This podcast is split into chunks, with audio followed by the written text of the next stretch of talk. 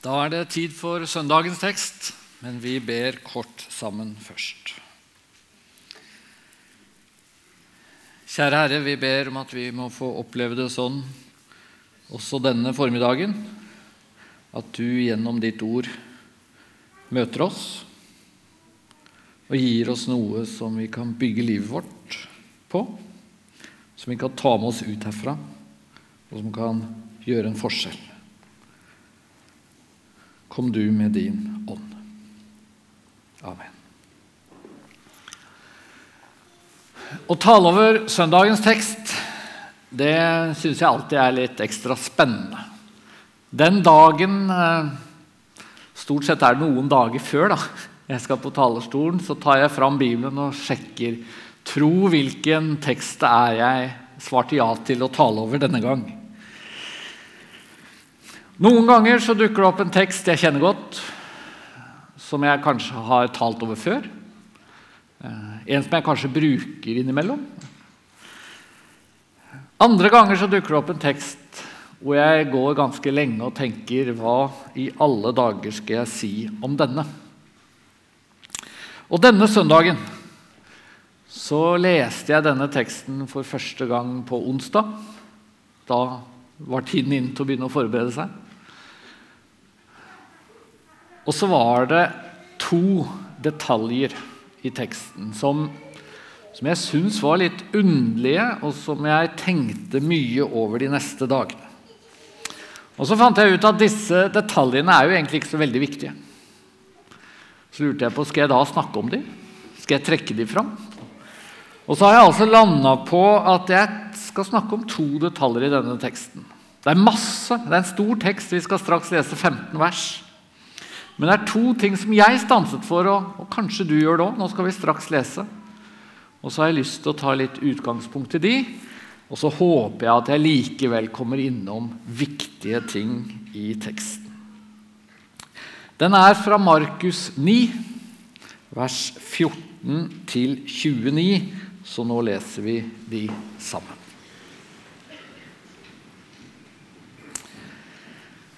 Da de kom til disiplene, så de en stor folkemengde omkring dem, og noen skriftlærde som var i ordstrid med dem. Og straks alt folket fikk se ham, ble de forferdet, og de løp til og hilste ham. Han spurte dem, 'Hva er det dere strides med dem om?' En i folkemengden svarte ham, 'Mester, jeg har ført til deg sønnen min, som er besatt av en stum ånd.' Når den tar tak i ham, sliter den i ham. Han fråder og skjærer tenner og visner bort. Jeg sa til disiplene dine at de skulle drive den ut, men de var ikke i stand til det. Han sa da til dem, Du vantro slekt, hvor lenge skal jeg være hos dere? Hvor lenge skal jeg tåle dere? Før ham til meg. De førte gutten til ham, og da han så Jesus, begynte straks ånden å rive og slite gutten, så han falt til jorden, veltet seg og frådet. Og han spurte hans far, 'Hvor lang tid har det vært slik med ham?' Han svarte, 'Fra barndommen av.' Ofte har den kastet ham i ild og i vann for å gjøre ende på han. Men om du kan gjøre noe, ha medynk med oss og hjelp oss. Jesus sa til ham, 'Om du kan tro.' Alt er mulig for den som tror. Straks ropte guttens far, 'Jeg tror, hjelp min vantro.' Da Jesus så at folket stimlet sammen, truet han den urene ånden og sa til den, 'Du stumme og døve ånd, jeg befaler deg, far ut av ham og gå aldri mer inn i ham.' Da skrek den høyt og slet hardt i ham og for ut av ham. Han lå som livløs, og mange sa, 'Han er død'. Men Jesus grep ham ved hånden og reiste ham opp. Han sto opp. Da han var kommet inn i hus, spurte disiplene hans ham i enerom. Hvorfor kunne ikke vi drive den ut? Han sa til dem, dette slaget kan ikke bli drevet ut uten ved bønn og faste. Amen.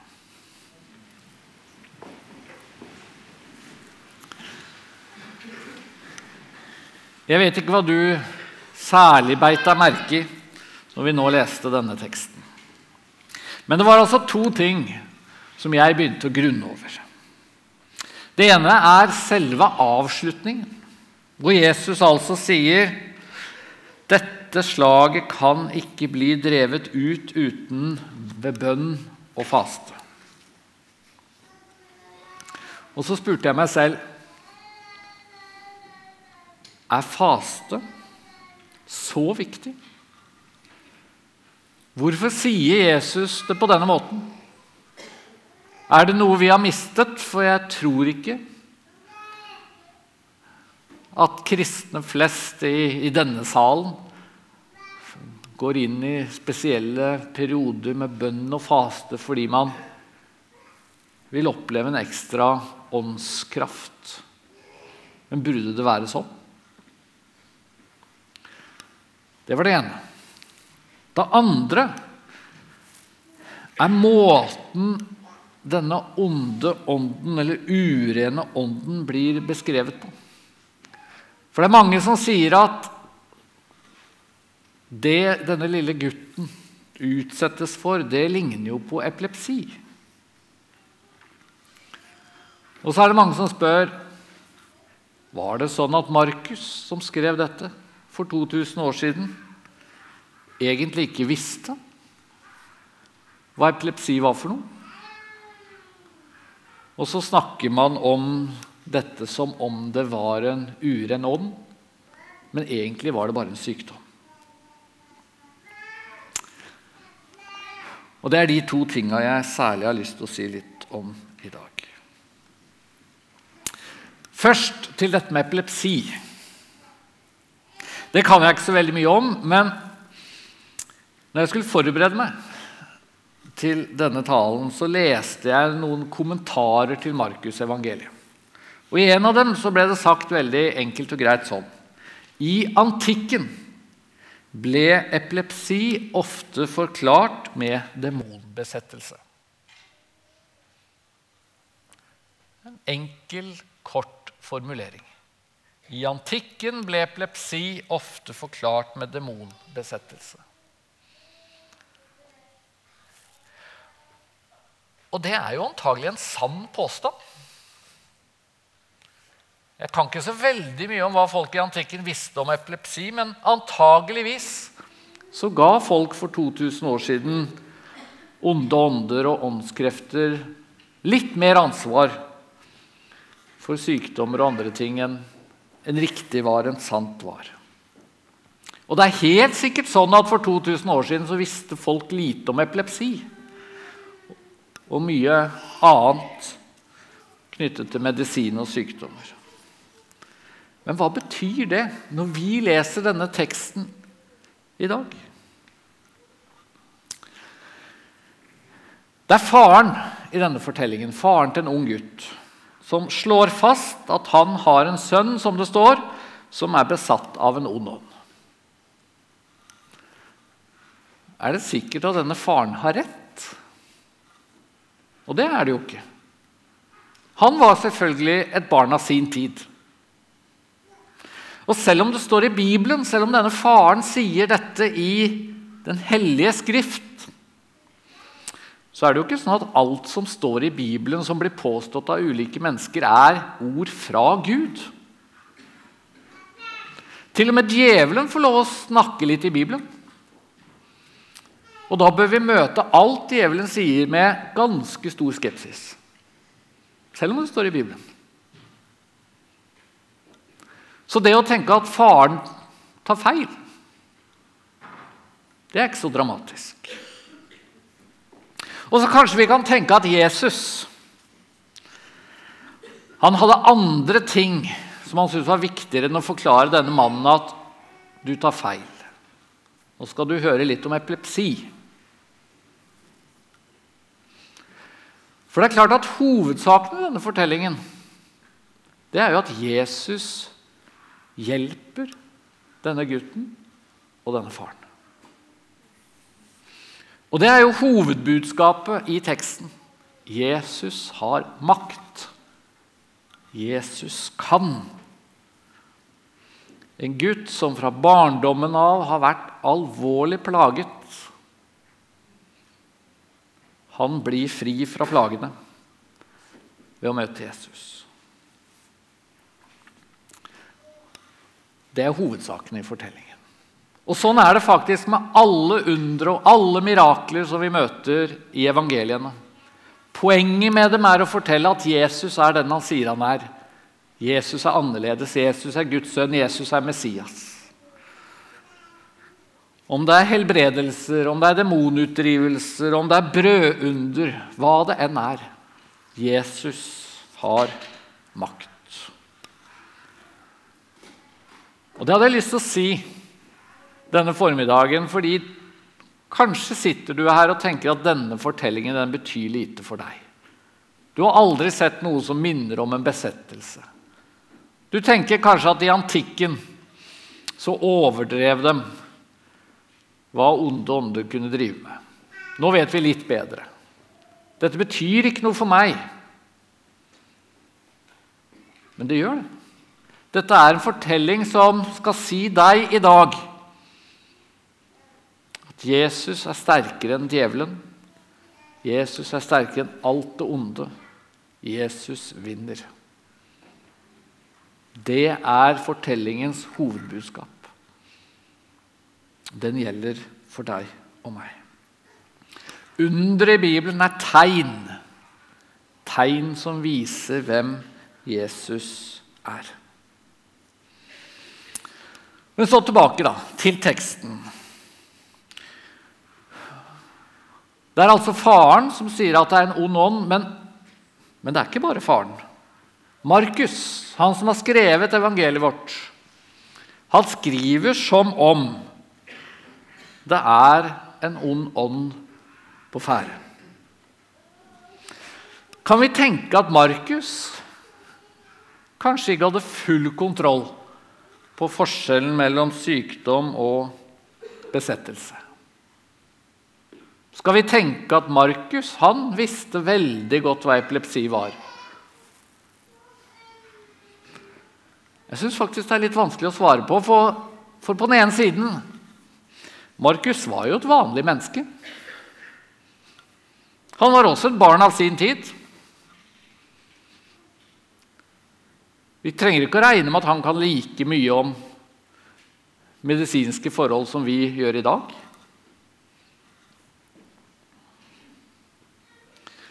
Og Samtidig så var han inspirert av Gud når han skrev sitt evangelium.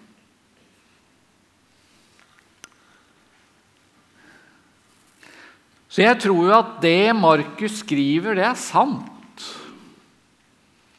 Men det betyr jo ikke at han som menneske hadde full kontroll over alt det Gud har full kontroll opp. Kunnskap om alt det Gud har kunnskap om.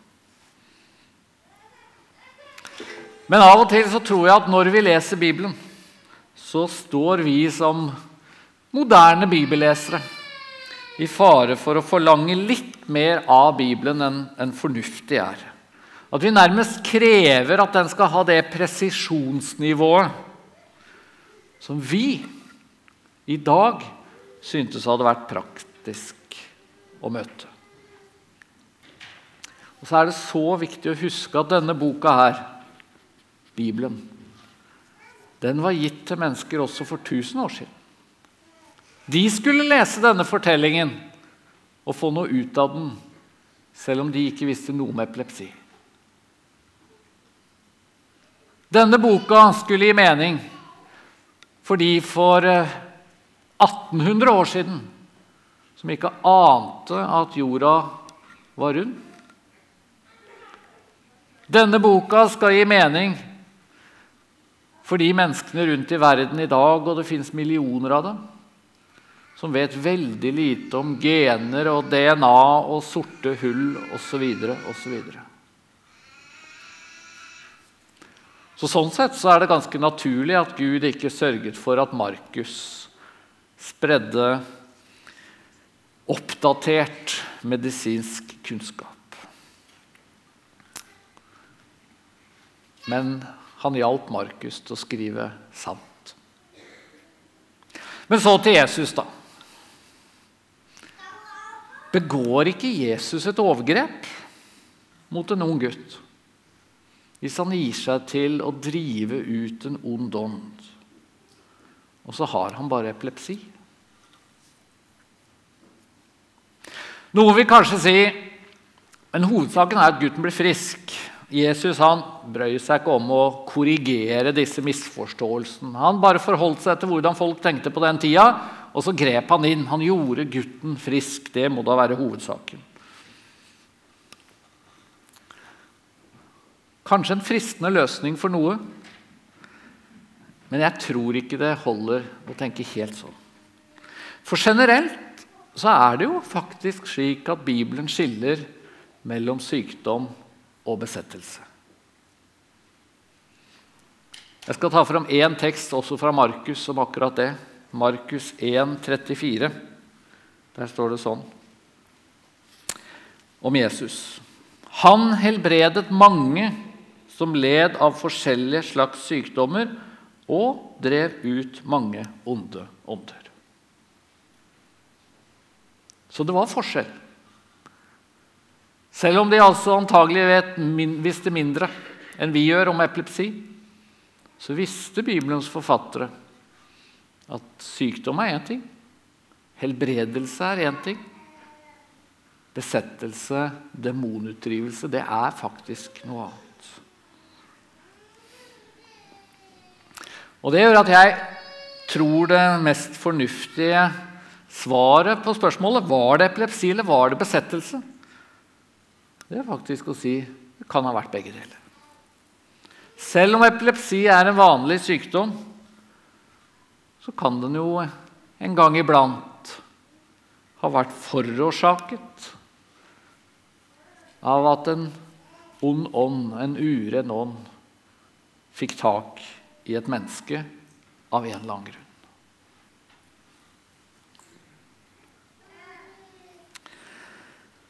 Det var noen refleksjoner om epilepsi eller uren ånd. Så til noe helt annet. Jesu ord. Dette slaget kan ikke bli drevet ut uten bønn og faste. Og Det er altså det Jesus svarer når disiplene kommer til ham, som det står, i enerom, og spør hvorfor klarte ikke vi dette? Hvorfor klarte ikke vi å drive ut denne onde ånden? Og Det betyr at Fortellingen vi nå har lest, er først og fremst en fortelling om disipler som mislykkes. Som ikke får til det de trodde de kom til å klare. Og så kan du jo være klar over en liten detalj. Og det er at det er antagelig ni av disiplene som mislykkes akkurat i denne fortellingen. For rett før denne fortellingen så har altså Jesus vært oppe på et høyt fjell med Peter, Jakob og Johannes. Og Det å oppleve altså at Jesus ble forvandlet for deres øyne. Det er en av disse søndagstekstene som jeg har talt over før, og som jeg kan litt, og som mange av dere har hørt. Jesus forvandles, og Peter sier, 'Skal vi bygge telt, hytter, her oppe på fjellet?' Og De opplever altså en fantastisk stund, Jesus og disse tre disiplene. Og så kommer de brutalt ned på jorda igjen. For når de altså kom ned fra dette fjellet, så møter de krangel og bråk og disipler som altså har prøvd på egen hånd, uten Jesus, å drive ut en ond ånd uten å klare det.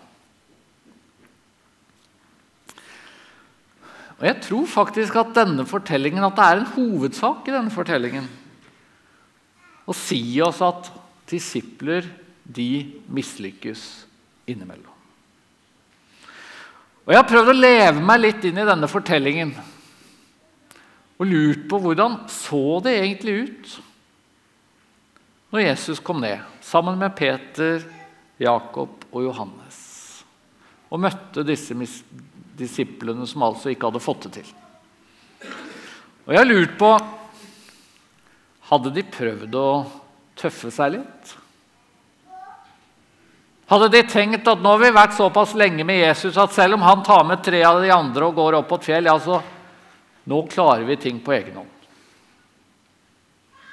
Nå skal vi få til en åndsutdrivelse, vi også. Vi har jo fått fullmakt til å gjøre det. Er dette en fortelling om disipler som tror at de klarer seg fint uten Jesus? Kanskje. I hvert fall så tenker jeg at det er en fortelling som gir oss litt trøst. faktisk. Den forteller oss at det er ikke bare vi i dag, i 2018, som kan føle at åndskraften vår, brannen vår, engasjementet vårt av og til ikke er så stort som det burde ha vært. Selv disiplene mislyktes. Selv de som gikk med Jesus dag etter dag, og plutselig så fikk de et par dager alene. Og så var det nok til at de ikke klarte å ordne opp. Og Det er en interessant rød tråd i Bibelen. dette. Hvor ofte disiplene mislykkes, hvor ofte disiplene misforstår, hvor ofte disiplene tar feil. Det er egentlig noe av det som gjør Bibelen ytterst troverdig. For hadde dette vært en bok som eh, disipler diktet opp noen tiår etter Jesus, litt sånn for frihånd, så hadde det jo vært å forvente at de tok bort de pinlige episodene. Og så sto de fram som heltene. Og Så skjer egentlig det stikk motsatte. Det er Jesus hele tiden som er helten. Det er han som ordner opp. Disiplene mislykkes. Og Av og til lurer jeg på er vi nok oppmerksomme på at sånn er det å være en kristen, sånn er det å være en disippel. Vi kan ikke regne med suksess og at alt ordner seg hele tiden. Som de fleste av dere vet, Billy Graham døde nylig. Akkurat begravelse nå. Og Det er utrolig mange som har kommet med flotte ord om Billy Grahams tjeneste de siste dagene. Og alt er sikkert sant. Men når jeg satt og forberedte meg denne, over denne teksten, så tenkte jeg kommer Billy Graham litt bedre ut enn disiplene?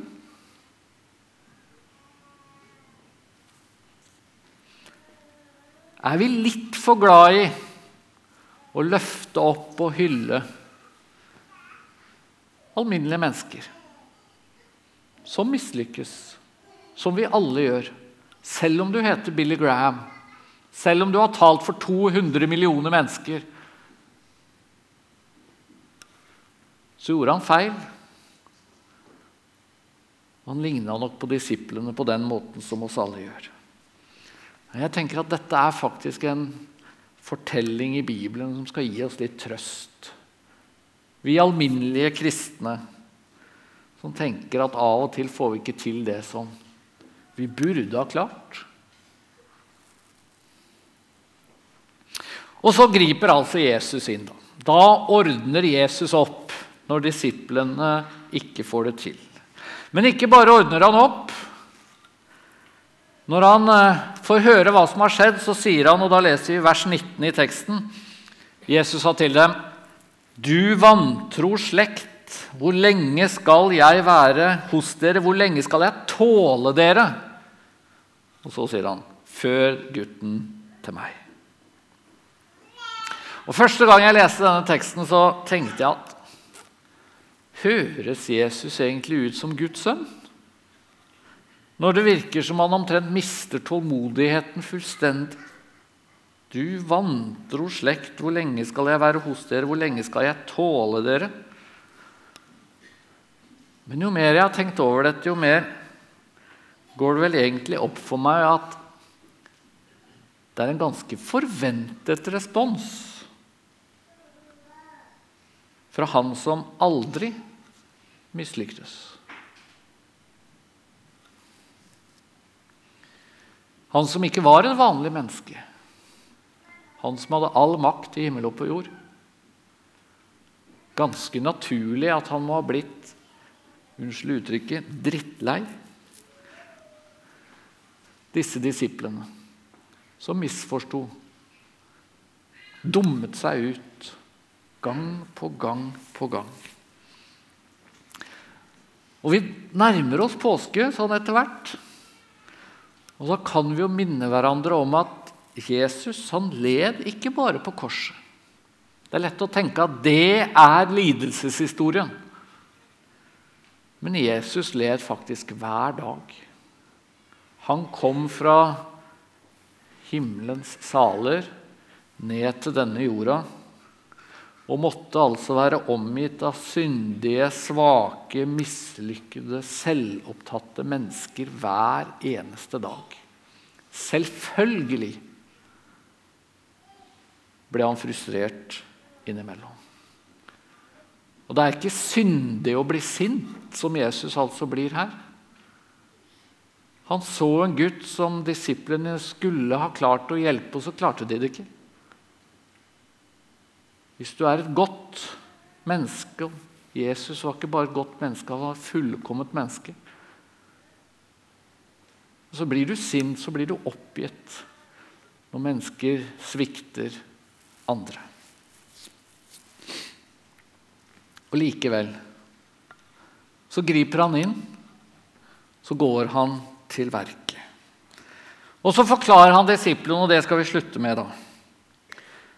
Dette slaget kan ikke bli drevet ut uten ved bønn og faste.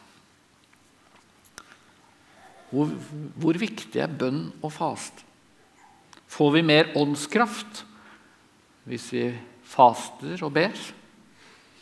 Nå skal det sies at det er litt usikkert om uttrykket 'faste' faktisk sto i den aller første utgaven av Markus' evangeliet.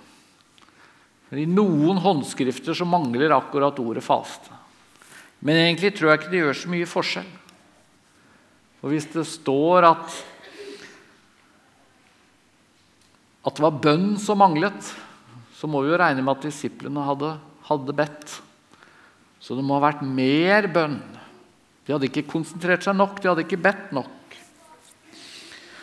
Så budskapet her må jo være at at disiplene manglet litt åndelig fokus denne dagen. Det var det som manglet. Og Jeg tror at det er noe vi er litt for lite opptatt av i vår tid. Jeg husker for eh, noen år siden at jeg leste en bok av Asbjørn Aavik som fortalte om vekkelsen i Kina som Marie Monsen var redskap for. Og Han fortalte at en gang hun hadde møter kveld etter kveld etter kveld, så bodde han på rommet under hennes rom. Og så hørte han gjennom mye av natten at hun gikk på rommet over. Og så gikk hun rundt der og ba og ba og ba. Og så er det selvfølgelig en fare for at det blir for lovisk. Og at vi lager matematikk uten at vi bør lage matematikk ut av det. Men det er bedre å be mye enn å be lite. Og kanskje er det sånn i noen situasjoner at vi bør søke ekstra til Gud i bønn. Ja, kanskje til og med faste, selv om det er noe jeg ikke har særlig erfaring med, må jeg innrømme. Men bønn gjør en forskjell. Selv så er jeg veldig glad i et bibelvers i Efeserbrevet 3,20. Jeg bruker det mye til trøst i mitt eget liv. For der står det om Gud. Han kan gjøre mer enn alt, langt utover det vi ber om eller forstår. Og det er en trøst, det. At det, ikke er noe, at det ikke er en slags absolutt sammenheng mellom det jeg ber om, og det jeg får. Gud han kan faktisk gjøre mer enn det jeg ber om. Og Vi skal passe oss for å få et lovisk forhold til bønn og tenke at hver gang noe går galt i livet vårt, hver gang vi mislykkes, ja, så manglet det bønn. Men det fins jo en annen grøft. da. Og det er å tenke at det er hipp som happ om du ber litt eller om du ber mye. Dette er en tekst om at åndelig konsentrasjon det å be mye kan av og til gjøre en forskjell. Skal vi be. Kjære Herre. Vi takker deg for at du kommer og griper inn når disiplene mislykkes. Og vi takker deg for at du er en som også kan gripe inn når vi kommer til kort. Vi takker deg for at du i denne teksten har vist oss at du er sterkere enn ondskap, djevel, sykdom, ja alt. Amen.